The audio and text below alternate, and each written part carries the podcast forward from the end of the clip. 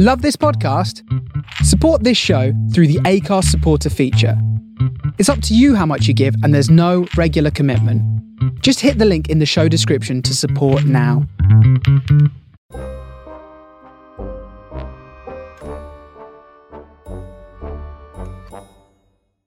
Hallo allemaal en welkom terug bij Reis door de Tijd, waar we het vandaag gaan hebben over spreekwoorden en waar deze spreekwoorden vandaan komen.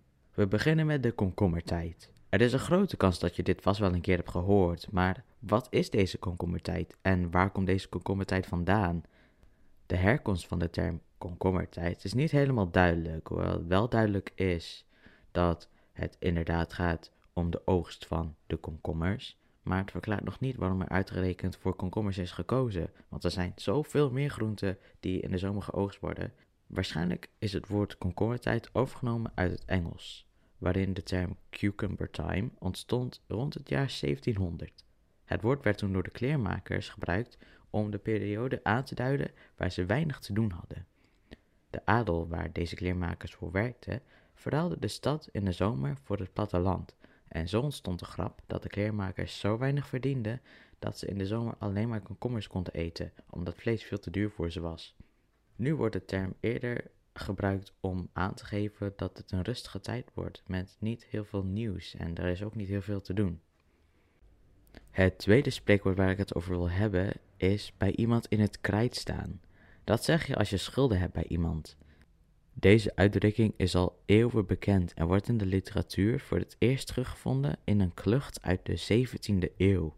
Vroeger hadden mensen de gewoonte om dingen met krijt op een lei op de muur te schrijven. Zo schreven mensen bijvoorbeeld in herbergen de schulden die iemand nog open had staan op een lei op de muur. Er bestaan nog meer uitdrukkingen in het Nederlands die afkomstig zijn van dezelfde gewoonte.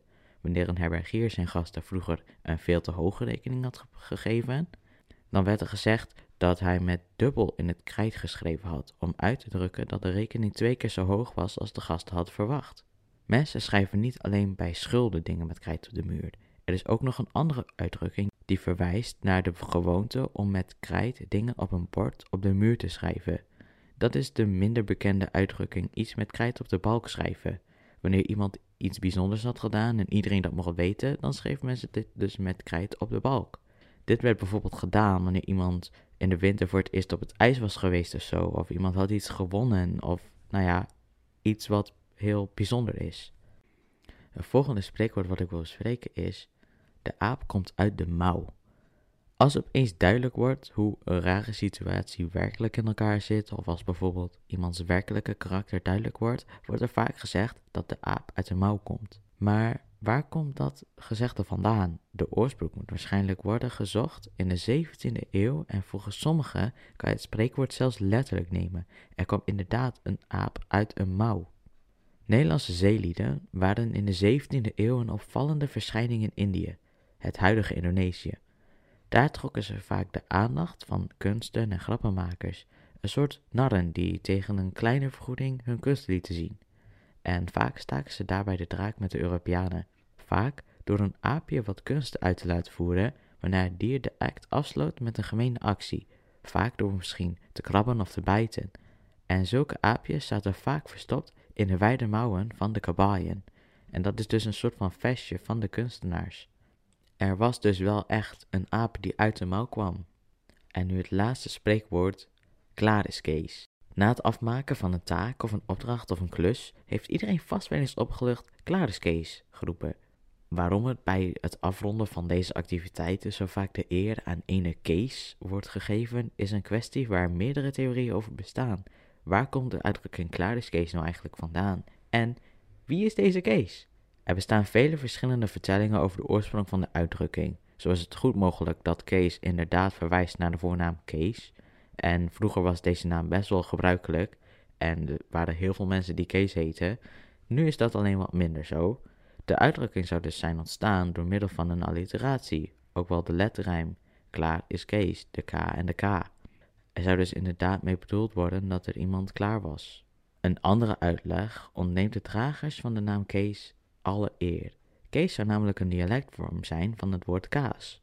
In het Gronings is kaas kezen, dus het zou kunnen. Er wordt dan dus mee bedoeld dat de kaas klaar was. Alleen het feit dat er nauwelijks voorbeelden van klaar is de Kees of klaar is de kaas zijn gevonden, dat maakt deze uitleg wat onwaarschijnlijker. Er zijn nog een paar theorieën over deze uitdrukking, maar deze lijken me allemaal heel onwaarschijnlijk. Dus ik hou het bij deze twee. Als je zelf weet waar de klaar is Kees vandaan komt, laat het mij gerust weten.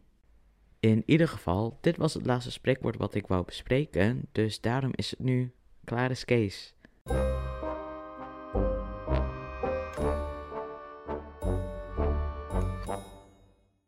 Dankjewel voor het luisteren allemaal. Het idee van deze aflevering komt van Gerben, die graag meer wil weten over de komkommertijd. Dus alsjeblieft Gerben en dankjewel voor je suggestie. Op Instagram ben ik te vinden als @reisdoordeTijd. En tot de volgende keer.